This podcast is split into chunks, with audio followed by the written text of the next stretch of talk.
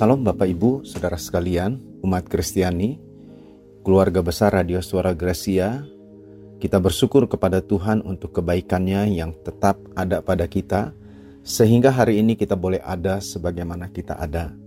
Saudara, hari ini kembali Tuhan berikan kita kesempatan untuk sama-sama kita belajar firman Tuhan. Saudara belajar, saya juga belajar. Jadi kita sama-sama Ikuti saudara uraian firman Tuhan ini dengan serius, dengan sungguh-sungguh. Dan saya pastikan ketika kita ikuti dengan sungguh-sungguh, maka kita akan mendapatkan kekuatan, mendapatkan berkat, mendapatkan pencerahan dan tuntunan dari firman ini. Jadi saudara, mari lakukan dengan sungguh-sungguh. Sebelumnya mari kita mau berdoa. Tuhan Yesus kami datang kepadamu pada sore hari ini.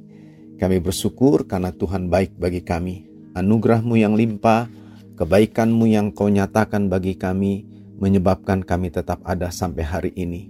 Terima kasih ya Tuhan, kami bersyukur buat saat ini, Tuhan berikan kami kembali waktu untuk kami mendengarkan uraian firman Tuhan. Tolong jamah hati kami, sucikan dan kuduskan hati kami, supaya hati kami ini layak menerima benih-benih kebenaran kekal itu. Dan benih itu boleh tumbuh, berbuah-buah, nyata di dalam hidup kami. Terima kasih Tuhan, bungkus kami dengan kuasa darahmu. Roh Kudus tolong hambamu, untuk hambamu dapat berbicara, menyampaikan seperti yang kau mau, bukan seperti apa yang hamba mau. Itu sebabnya biarlah ada pewahyuan, ada anugerah Allah yang turun, membuka, menyingkapkan kebenaran firman ini. Terima kasih Tuhan, dan biarlah semua itu hanya untuk hormat kemuliaan bagi nama Tuhan. Di dalam nama Yesus, haleluya, haleluya, amin. Bapak Ibu, saudara sekalian umat Kristiani, pada sore hari ini saya ingin ajak saudara belajar tentang prinsip-prinsip kehidupan sebagai orang-orang yang percaya kepada Tuhan. Nah, kita akan mendasari pembicaraan kini, saudara, dari surat Paulus kepada jemaat di Kolose pasal yang ketiga, ayat yang ke-22 sampai dengan ayat yang ke-25. Kolose pasal 3 ayat 22, 24 dan 25. Saudara dengarkan saya bacakan. Bunyinya begini. Hai hamba-hamba, taatilah Tuanmu yang di dunia ini dalam segala hal. Jangan hanya di hadapan mereka saja untuk menyenangkan mereka, melainkan dengan tulus hati karena takut akan Tuhan. Apa pun juga yang kamu perbuat, perbuatlah dengan segenap hatimu seperti untuk Tuhan dan bukan untuk manusia. Kamu tahu bahwa dari Tuhanlah kamu akan menerima bagian yang ditentukan bagimu sebagai upah. Kristus adalah Tuhan dan kamu hambanya Barang siapa berbuat kesalahan, ia akan menanggung kesalahannya itu karena Tuhan tidak memandang orang. Bapak, ibu, saudara sekalian, ayat-ayat ini merupakan bagian dari nasihat yang Paulus berikan. Secara lengkap, kalau saudara perhatikan dalam perikop ini, Paulus menasehatkan bagaimana sikap istri terhadap suami bagaimana sikap suami terhadap istri, juga bagaimana sikap orang tua itu kepada anak-anak, dan sebaliknya anak-anak kepada orang tua. Nah, saudara, juga dia menjelaskan di sini memberikan nasihat tentang sikap seorang hamba kepada tuannya. Kita tahu pada zaman itu saudara masih ada perbudakan, masih ada orang-orang saudara yang statusnya itu sebagai budak, sebagai hamba, ya, sebagai dulos begitu. Nah, saudara-saudara, mereka ini ternyata adalah orang-orang juga yang percaya kepada Tuhan. Jadi saudara-saudara kita lihat di dalam jemaat itu beragam. Mulai dari orang-orang yang terpandang di mata manusia, entah dia seorang pejabat, seorang bangsawan, atau sekalipun juga seorang budak yang katakan tidak punya nilai hidupnya di mata manusia tetapi saudara kita lihat mereka juga percaya kepada Tuhan. Yang menarik saudara dalam bagian ini, ayat yang ke-25 tadi, saudara bagian terakhir itu kita lihat, Paulus tegaskan bahwa Tuhan itu tidak memandang orang. Sederhananya begini, entahkah dia seorang tuan, entahkah dia seorang bangsawan, entahkah dia seorang yang terpandang, atau dia hanya seorang yang rendahan, bahkan seorang budak katakan yang nilainya itu seperti barang bisa diperjualbelikan. Saudara-saudara, itu di mata Tuhan sama nilainya, sama harganya. Ya, Paulus jelas dikatakan karena Tuhan tidak memandang orang, entahkah dia budak, entahkah dia tuan, entahkah dia orang terpandang dan sebagainya di mata Tuhan itu tetap sama nilainya. Dari sini saudara kita harus mengerti apa pun kondisi kita. Mungkin kondisi kita dulu ada di atas. Wah kita terhormat. Tapi karena sesuatu hal barangkali kita turun ke bawah. Karena mungkin kita mengalami kegagalan, kehancuran. Ya usaha kita, bisnis kita merosot bahkan mungkin hancur. Ada banyak orang saudara ketika mengalami ini, mereka sepertinya kehilangan nilai dirinya, kehilangan pribadinya itu, menganggap dirinya sudah tidak ada nilai apa-apa lagi. Saudara, saya mau beritahu, itu sikap yang salah, itu sikap yang keliru. Satu hari, saudara, saya bertemu dengan orang yang seperti ini. Saya diajak dengan beberapa orang jemaat, saudara, mengunjungi seorang ibu Saudara-saudara, dulunya ibu ini memang bergereja di tempat saya. Tapi setelah itu entah kenapalah begitu saudara dia pindah. Dan setelah itu terakhir-terakhir kita dengar dia sudah tidak bergereja sudah sekian lama. Nah jadi ada beberapa jemaat ini bilang sama saya, Om dia bilang kita kunjungi yuk kita tengoki. Singkat cerita datanglah saya bersama dengan beberapa rekan jemaat saudara mengunjunginya. Waktu ketemu ya memang kita kenal saudara. Yang menarik begini saudara dia cerita. Dia bilang dari sejak sebelum covid saya sudah tidak ke gereja om. Lah saya bilang kenapa? Ya dia bilang saya malu. Saya sudah tidak dianggap. Saya sudah tidak dipandang. Dulu saya banyak uang om dia bilang. Wah simpenan saya deposito saya cukup mapan saya lah dia bilang. Cukup banyak dia bilang. Tapi saya ditipu orang om habis dia bilang. Habis dan saya malu. Orang itu tidak lagi menganggap saya, tidak lagi memberikan penghormatan kepada saya. Saya benar-benar nggak berau dia bilang gitu. Nah Bapak Ibu Saudara sekalian, ada banyak orang yang hidupnya seperti ini. Mereka memiliki nilai hidup itu yang didasari oleh apa dan yang mereka punya. Ya dalam hal ini uang. Ketika mereka punya uang banyak, mereka menganggap saudara bahwa dirinya begitu bernilai. Ketika dia punya uang yang cukup banyak, dia akan menganggap dirinya begitu dihormati dan berharga. Tetapi saudara, ketika itu semua hilang, maka hilang juga nilai dirinya, harga dirinya itu. Saudara-saudara, saya mau ingatkan, apa pun kondisi saudara, mungkin dulu ada di atas, sekarang mungkin ada di paling yang dasar. Saya mau beritahu satu hal sama saudara. Saudara tetap berharga di mata Tuhan. Tuhan tidak berkata, oh sekarang kamu sudah miskin, nilaimu turun, minggir jangan dekat-dekat sama aku. Enggak begitu saudara. Manusia boleh bersikap begitu. Manusia boleh memperlakukan kita seperti itu. Tapi ketahui nilai diri kita, nilai kehidupan kita tidak ditentukan apa kata orang. Tapi Tuhan berkata engkau berharga di mataku. Itu nilai hidup kita di mata Tuhan. Dia bilang kita ini seperti biji matanya yang dijaga dilindungi sedemikian rupa dan kita bernilai di hadapan Tuhan. Pegang itu baik-baik.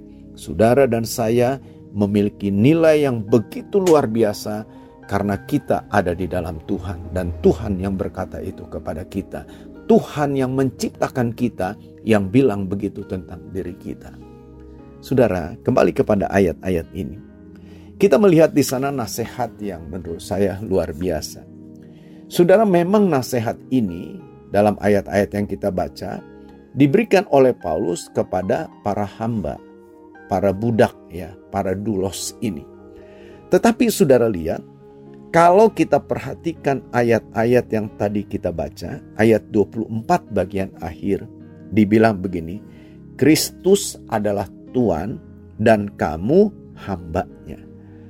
Paulus menekankan dengan pasti bahwa Yesus itu adalah Tuhan kita.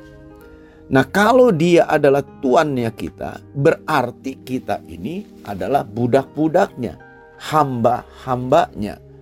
Saudara, jangan saudara berpikir kalau saya bilang kita ini adalah hamba dari Tuhan, hamba Tuhan, lalu saudara pikir saudara jadi seperti saya sebagai seorang pendeta. Enggak begitu, saudara ya. Tapi setiap orang yang percaya kepada dia, dikit mereka itu adalah hamba daripada Tuhan. Kenapa begitu? Sederhananya begini. Alkitab jelaskan kita ini orang-orang yang berdosa. Sepertinya kita ini digambarkan orang yang sudah dijual terhadap dosa. Majikan kita ini dosa, tuan kita ini dosa. Jadi kita disebut sebagai hamba dari dosa. Yang kita lakukan, yang kita kerjakan adalah keinginan-keinginan berdosa. Nah, saudara-saudara, lalu Yesus datang kan? Dia mati di kayu salib, dia beli kita tuh sudah. Dibayar kita ini lunas dibayar bukan dengan emas dengan perak, tapi Alkitab bilang dengan darahnya sendiri. Jadi saudara-saudara, kepemilikan kita sekarang pindah. Tadinya kita miliknya dosa, sekarang karena sudah dibeli, sudah dibayar lunas, maka saudara kita ini menjadi milik dari orang, dari pribadi yang membeli kita. Siapa yang membeli kita? Itulah Yesus kematiannya di kayu salib, saudara, membuktikan itulah harga yang dia bayar untuk membeli saudara dan saya. Berapa tuh nilainya, saudara? Saya katakan tidak ternilai. Sebab saudara jelas Alkitab bilang, dia tidak menimbang emas, dia tidak menimbang perak, dia tidak membawa permata, lalu dia serahkan itu kepada dosa untuk katakan menebus kita, bukan dengan cara itu. Saudara, jelaskan Alkitab bilang dengan darahnya sendiri, dengan nyawanya sendiri, saudara. Dia korbankan itu. Dia beli saudara, dia beli saya. Betapa berharganya kita, saudara. Rasanya kita berdosa kepada Tuhan kalau kita menilai diri kita dari apa yang kita punya. Ketika kita uh, punya uang banyak, kita merasa berharga, ya, begitu luar biasa hidup ini ketika Tuhan izinkan kita mengalami kemerosotan, lalu kita menganggap diri kita tidak berharga lagi, salah saudara.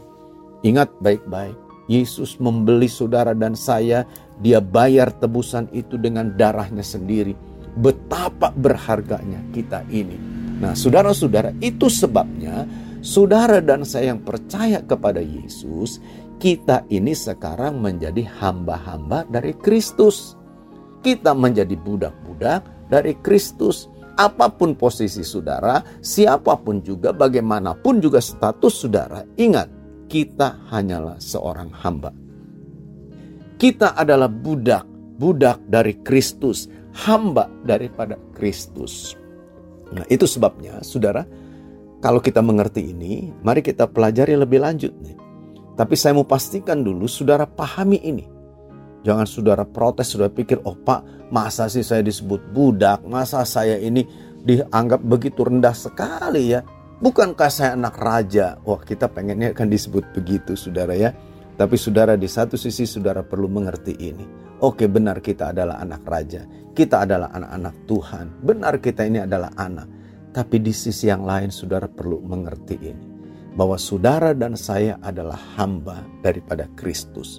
Nah lalu apa yang harus dilakukan sebagai seorang hamba? Bagaimana sikap kita ini, saudara, sebagai seorang hamba? Paulus kasih nasihat di sini begini, saudara. Dikatakan ayat 22 tadi, hai hamba-hamba, taatilah Tuanmu yang di dalam dunia katanya, dalam segala hal.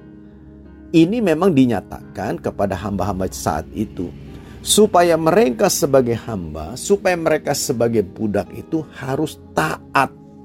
Taat kepada siapa? Kepada tuannya, kepada pemiliknya itu, sudah. Dalam hal apa? Dalam segala hal. Jadi prinsip ketaatan seorang budak, prinsip ketaatan, ketaatan seorang hamba itu adalah ketaatan yang total. Bukan setengah-setengah atau tiga per empat atau mungkin 99% bukan. Tapi sebuah ketaatan yang total di dalam segala hal.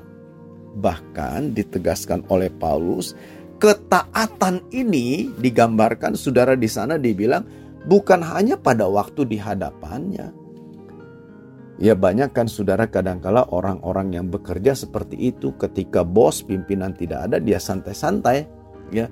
Tapi ketika bos ada dia kelihatannya serius, kelihatannya sungguh-sungguh. Enggak begitu kan saudara. Ingat baik-baik, Tuhan kita itu bukan seperti manusia yang terbatas pengertiannya, pengetahuannya, terbatas kemahatauannya itu tidak. Tuhan adalah Tuhan yang maha tahu, maha melihat segala sesuatunya, bahkan yang tidak dapat dilihat oleh manusia. Jadi saya kira kalau kita sadar akan hal ini, tidak ada kesempatan untuk kita dalam tanda kutip apa istilahnya memiliki sikap menjilat. Wah, kalau di depannya baik-baik, hormat, taat, rajin, tapi di belakangnya enggak gitu. Enggak akan begitu, Saudara. Kadang-kadang kan orang bilang gini, ya kalau di gereja sih kelihatannya benar-benar seperti malaikat gitu. Tapi ketika, keluar dari gereja, wah malaikatnya berubah menjadi Lucifer katanya. Bapak Ibu Saudara sekalian, entahkah kita ada di lingkungan di mana kita sedang ibadah, entahkah kita berada di dalam komunitas bersama orang-orang percaya, atau kita sedang di luar, di mana pun juga, ingat baik-baik kita adalah hamba-hamba Kristus yang harus hidup di dalam ketaatan. Nah, Bapak Ibu, saudara sekalian, sebagai seorang dulos, seorang budak atau seorang hamba, kita perlu taat kepada Tuhan kita. Siapa Tuhan kita? Pemilik kita adalah Kristus, karena Dia yang membayar kita. Nah, jadi saudara, ketaatan kepada Kristus ini harus mengalir dari sikap hati yang tulus, bukan terpaksa, bukan karena ada ancaman. Kalau kamu tidak taat, nanti kamu masuk neraka. Kalau kamu tidak taat, gajimu nanti dipotong. Kalau kamu tidak taat, kamu akan kehilangan bonusmu. Kadang-kadang kan di dunia seperti itu. Saudara-saudara, ketaatan yang seperti itu menurut saya boleh-boleh saja, tetapi kualitasnya itu rendah. Nanti kita bisa memanipulasi. Kalau ada di depan majikan, oke taat. Setelah tidak ada, enggak bertaat lagi. Itu sebabnya Paulus katakan di sini, biarlah ketaatan ini mengalir dari sikap hati yang didasari oleh sebuah ketulusan jadi bukan karena terpaksa, bukan karena ada ancaman, bukan juga mungkin karena dijanjikan iming-iming gitu sudah, tapi memang benar-benar mengalir dari hati. Aku taat sebab karena aku sadar aku ini budak, aku ini hamba daripada Kristus. Harusnya kan begitu, Saudara. Kadangkala saya sedih kalau melihat orang-orang Kristen ke gereja saja harus diingetin, diingetin, harus dibesuk lagi, ditelepon lagi, di WA lagi. Saudara-saudara jangan seperti itulah. Ingat baik-baik, kita ini adalah hamba Kristus. Biarlah ketaatan yang didasari oleh sebuah ketulusan itu ada nih dalam hidup kita. Jadi apa pun juga saudara yang kita lakukan, kita kerjakan, kita kerjakan dengan tulus. Itu sebabnya ditekankan di dalam ayat 22 tadi, dia bilang jangan hanya untuk menyenangkan di depannya saja, tapi dengan tulus. Kenapa? Karena kita takut akan Tuhan. Jadi saudara lihat, ketulusan yang kita lakukan ini terkait dengan Tuhan. Jadi bukan hanya sekedar saudara terkait dengan bos kita, majikan kita.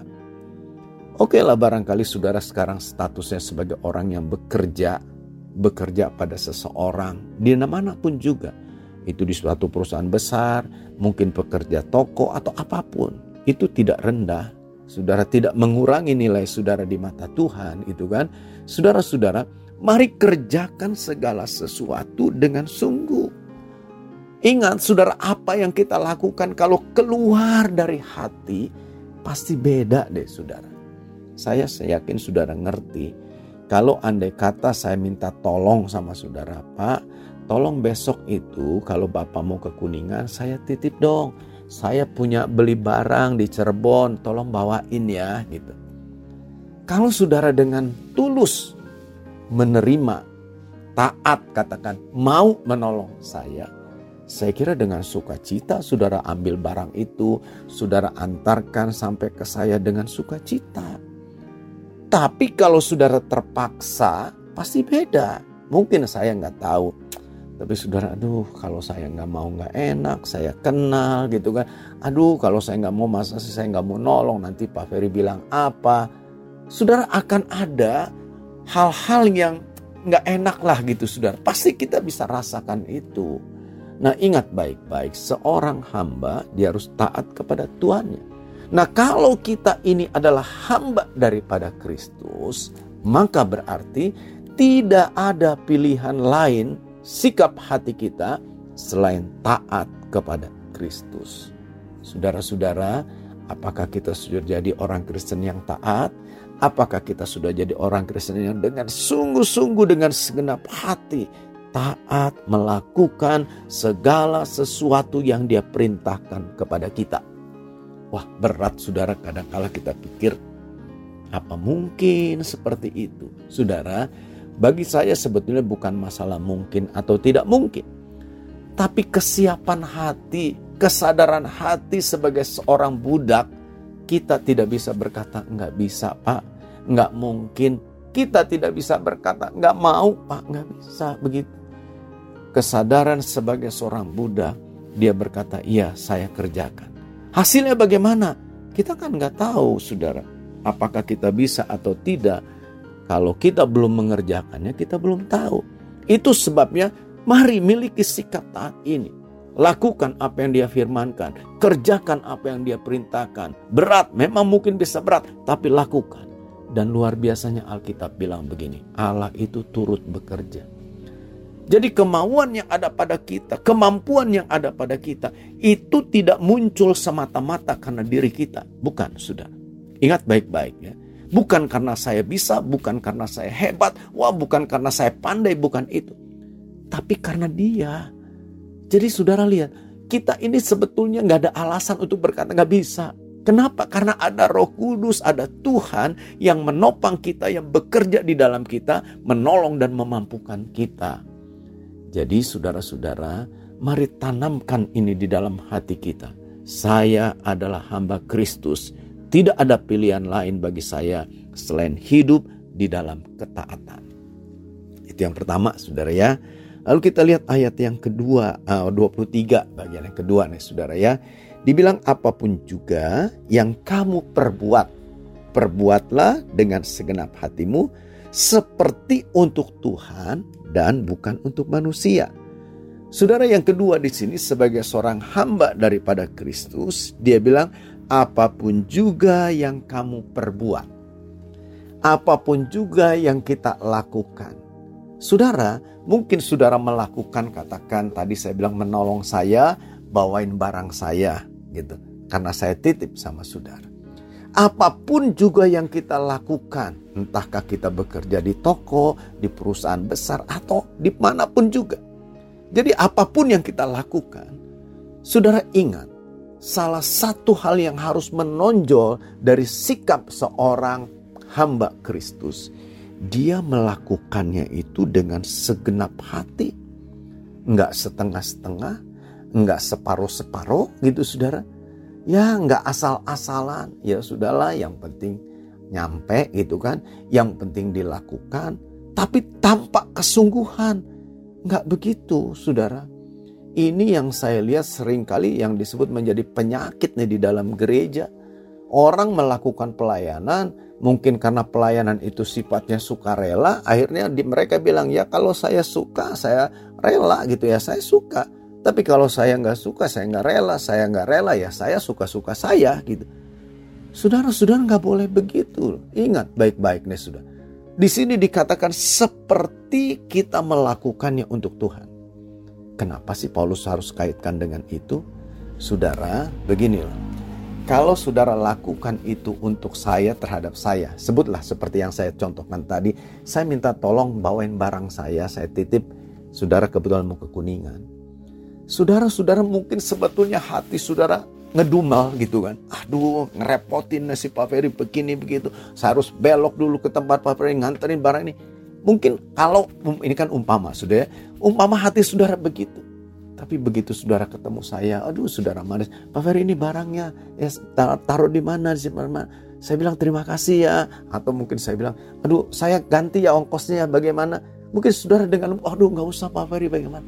Saudara-saudara, kalau saudara melakukan itu, saudara kan bisa bohongin saya tuh. Wah saya pikir saudara hebat sekali ya orangnya tulus. Padahal hati saudara kan sudah ngedumel tuh gitu saudara. Nah Bapak Ibu Saudara sekalian itu sebabnya Paulus bilang lakukan dengan segenap hatimu seperti untuk Tuhan. Berarti ada sesuatu yang harus kita pertimbangkan. Kenapa? Karena yang kita lakukan ini adalah untuk Tuhan. Bapak Ibu, kalau saudara baca Alkitab baik-baik, kita akan temukan ada satu ketetapan, ada ketetapan-ketetapan yang Tuhan buat ketika umat Allah mau melakukan sesuatu bagi Tuhan. Contoh, kalau mau kasih korban persembahan kepada Tuhan, dombanya kan ada ada syaratnya, nggak boleh ada cacatnya, nggak boleh ada kekurangannya, pokoknya yang mulus, yang sempurna, begitu sudah. Karena untuk Tuhan. Jadi ada ketentuan-ketentuan, persyaratan-persyaratan tertentu. Nggak boleh sembarangan. Harus dilakukan dengan segenap hati, dengan tulus. Karena memang Tuhan juga melihat hati kita. Bukan hanya melihat apa yang kita lakukan. Saudara ingat cerita waktu Yesus uh, melihat, memperhatikan orang-orang yang memberi persembahan di bait Allah?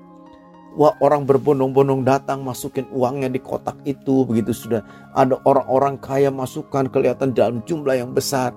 Tapi ada seorang ibu janda yang miskin yang nggak punya uang banyak. Dia berikan uang yang ada padanya semua.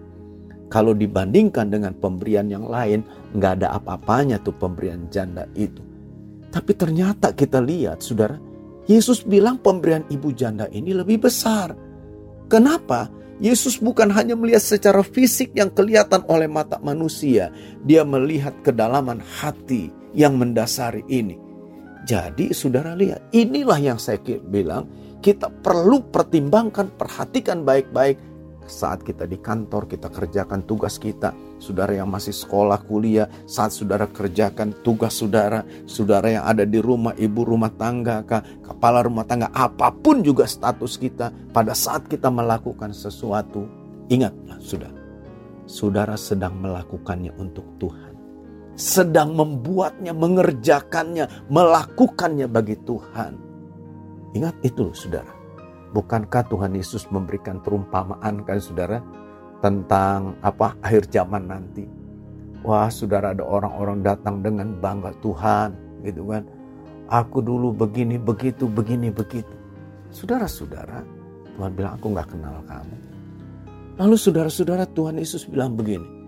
Sabaslah hai hambaku yang setia gitu. Ayo mari masuk. Sebab Tuhan Yesus bilang. Dulu waktu aku lapar kamu kasih aku makan. Waktu aku sakit, kamu kasih aku, kamu kunjungi aku, doakan kamu. Waktu aku di penjara, waktu aku gak punya pakaian, kamu kasih aku pakaian. Mereka bingung, saudara. Mereka bingung dengar kata-kata itu. Mereka ingat-ingat kapan ya saya ini pernah buat itu untuk Tuhan. Kapan Tuhan itu di penjara? Kapan Tuhan itu gak punya pakaian lalu saya kasih? Mereka bingung. Mereka tanya kapan itu semua terjadi. Kita tahu kan jawaban Yesus saudara segala sesuatu yang kamu buat terhadap saudaramu yang mungkin paling hina, yang tidak dipandang oleh manusia, tapi kamu punya perhatian ke sana, itu semua kamu lakukan untuk aku. Bapak, ibu, saudara sekalian, saya mau katakannya dengan sungguh-sungguh Mari lakukan segala sesuatu dengan segenap hati, sepenuh-penuhnya. Jangan asalan, jangan separuh-separuh, jangan asal jalan. Tapi biarlah kita lakukan dengan excellent. Itu harus. Saudara melayani di gereja, pelayanannya mungkin sepele, kecil, tidak terpandang. Saudara jangan pikir, ah sudahlah asal jalan. Salah kita kalau kita berbuat seperti itu. Lakukan segala sesuatu dengan sepenuh hati karena kita sedang melakukannya untuk Tuhan. Saat saudara di kantor, saudara ada di kampus, saudara ada di toko, saudara bekerja di mana pun, lakukan semua dengan segenap hati karena yang kita lakukan adalah untuk Tuhan. Yang ketiga, yang terakhir nih saudara. Sebagai orang-orang yang disebut hamba Kristus, ternyata saudara, Tuhan tidak mengabaikan apa yang kita lakukan. Ayat 24 bilang begini, kamu tahu bahwa dari Tuhanlah kamu akan menerima bagian yang ditentukan bagimu sebagai upah. Jadi saudara-saudara, ketika kita melakukan segala sesuatu dengan segenap hati, Tuhan lihat, saudara. Oke, kalau saudara katakan sebagai seorang karyawan, bekerja satu perusahaan atau bekerja sebagai karyawan toko, kita memang dapat upah kan, dapat gaji dari katakan majikan kita dari perusahaan di mana kita bekerja. Tapi saudara lihat, ternyata Tuhan di sorga itu juga melihat apa yang kita lakukan. Dan ketika dia memperhatikan, ketika dia melihat bagaimana kita melakukan dengan sungguh-sungguh, dengan segenap hati, itu menjadi poin tersendiri. Menjadi alasan untuk Tuhan itu menambahkan berkat-berkat kepada kita. Saudara-saudara, itu sebabnya Tuhan Yesus pernah bilang begini kan. Kita harus setia dalam perkara-perkara yang kecil sekalipun. Ketika kita menjadi orang yang setia, yang bertanggung jawab atas perkara-perkara yang dipercayakan kepada kita, sekalipun itu kecil, maka Tuhan akan mempercayakan yang lebih besar. Jadi ini prinsipnya sudah. Upah kalau saudara bekerja, saudara dapat dari tempat di mana saudara bekerja. Tapi ketika kita lakukan semua tugas kita dengan segenap hati, bukan hanya saudara dapat upah dari tempat di mana saudara bekerja, saudara pun akan dapat promosi upah dari Tuhan. Tuhan itu nggak pandang bulu kan saudara, tidak pandang orang, tapi dia melihat hati kita yang sungguh-sungguh ini. Jadi saudara-saudara ingat baik-baik segala sesuatu yang kita lakukan akan ada upahnya dari Tuhan. Jangan sampai begini loh sudah. Wah kita kerja kelihatannya capek, kelihatannya rajin. Ternyata nggak dapat apa-apa. Kenapa? Karena kita nggak serius. Kita lakukannya asal-asalan. Kita lakukan dengan hati yang ngomel, dengan hati yang ngedumel, marah begini begitu. Sudah. Nggak ada poin apa-apa. Jangan sampai kita capek begitu, kita nggak dapat apa-apa. Jadi itu sebabnya mari sadarilah apa pun yang kita kerjakan, apa pun yang kita lakukan, ingat kerjakan itu dengan sungguh-sungguh seperti untuk Tuhan. Karena kita lakukan itu seperti untuk Tuhan, kita lakukan itu bagi Tuhan, Tuhan pun akan memberikan upah kepada kita. Bapak Ibu Saudara sekalian, biarlah apa yang kita dengar ini mengingatkan kita semua. Saudara dan saya adalah hamba-hamba Kristus. Seorang hamba dia harus taat kepada Tuannya dalam segala hal.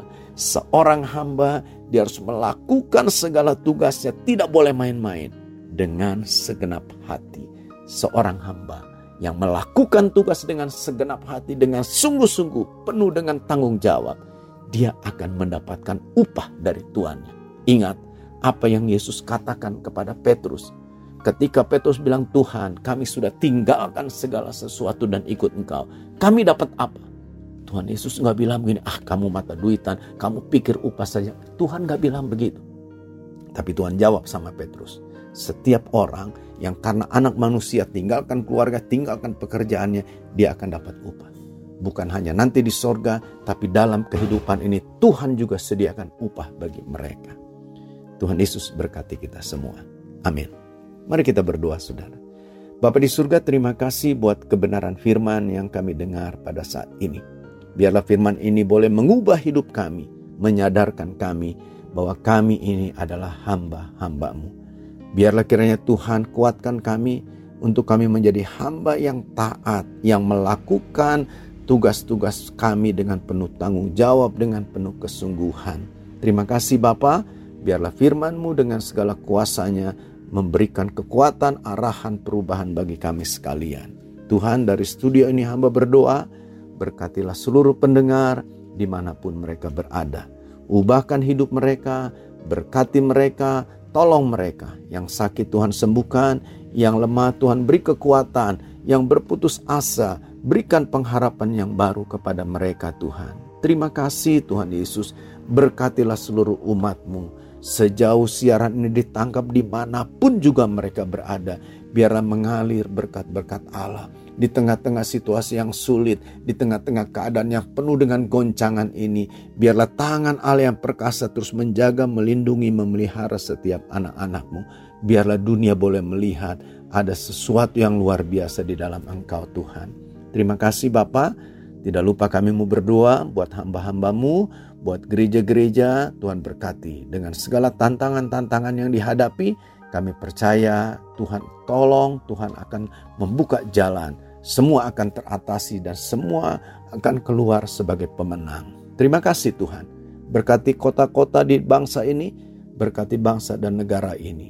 Biarlah anugerah, kuasa Tuhan ada atas bangsa ini. Hikmatmu menyertai para pemimpin kami, sehingga mereka boleh menjalankan tugas mereka dengan sungguh-sungguh. Terima kasih Tuhan. Sekali lagi kami bersyukur buat kesempatan yang baik yang Tuhan berikan kepada kami saat ini. Segala pujian, segala hormat hanya bagi nama Tuhan. Di dalam nama Yesus, haleluya, haleluya, amin.